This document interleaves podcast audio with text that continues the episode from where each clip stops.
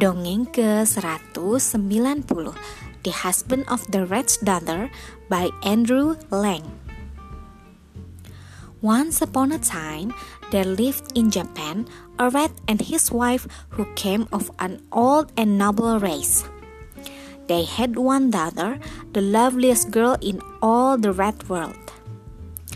Her parents were very proud of her there was not another young lady in the whole town who was as clever as she was in gnawing through wood, or who could drop from such a height into a bed, or run away so fast if anyone was heard coming.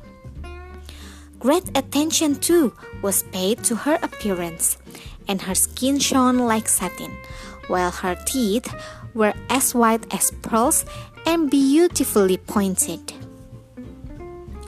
Of course, with all these advantages, her parents expected her to make a great marriage. And as she grew up, they began to look for a suitable husband. But here a difficulty arose. The father was a rat from the tip of his nose to the end of his tail and desired that his daughter should wed among her own people.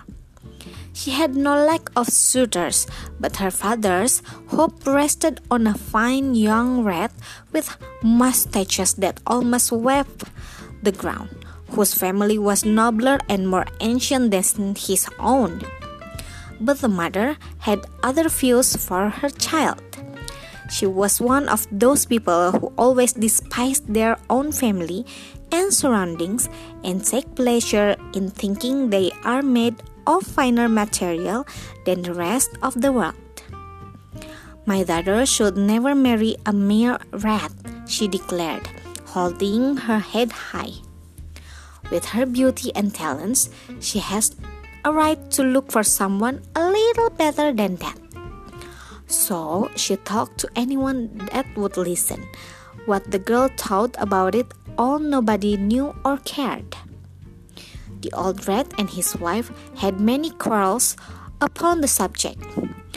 Reach up to the stars is my motto, cried the lady one day, when she was in a greater passion than usual. My daughter's beauty places her higher than anything upon earth, and I will not accept a son in law who is beneath her. Better offer her in marriage to the sun, her husband answered impatiently. As far as I know, there is nothing greater than he. I was thinking of it, replied the wife, and as you are of the same mind, we will pay him a visit.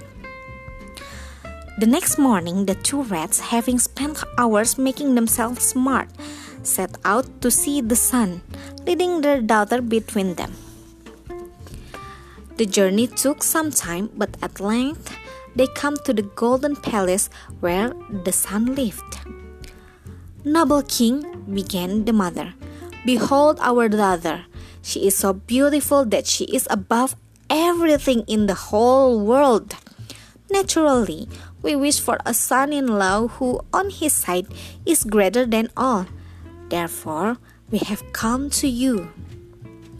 I feel very much flattered, replied the sun, who had not the least wish to marry anybody.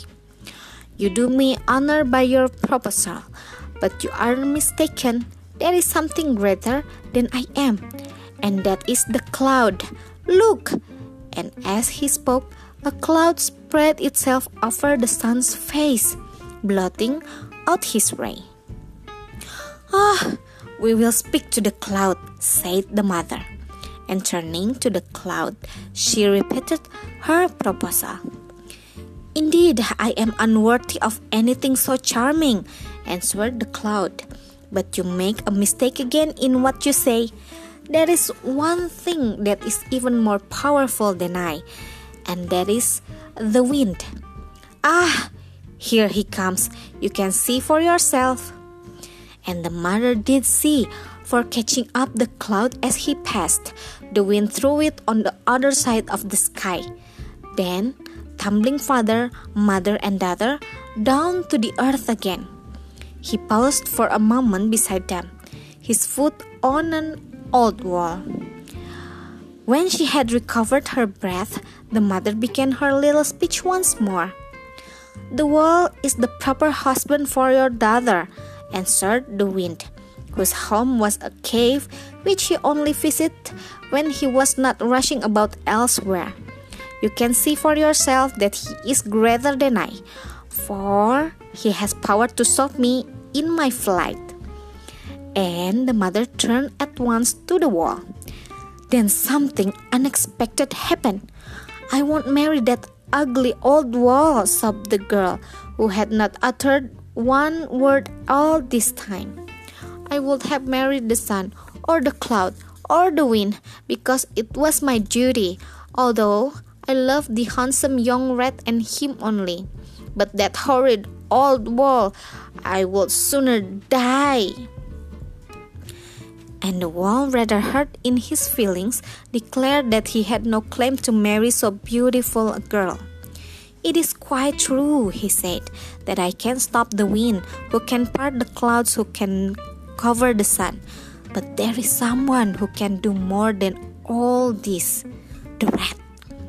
It is the rat who passed through me and can reduce me to powder with his teeth.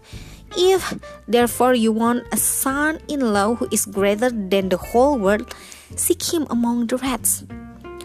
What did I tell you? cried the father and his wife, too angry at losing. Soon thought that a rat son in law was what she had always desired. So all three returned happily home and the wedding was celebrated three days after. Sekian, terima kasih telah mendengarkan. Selamat malam.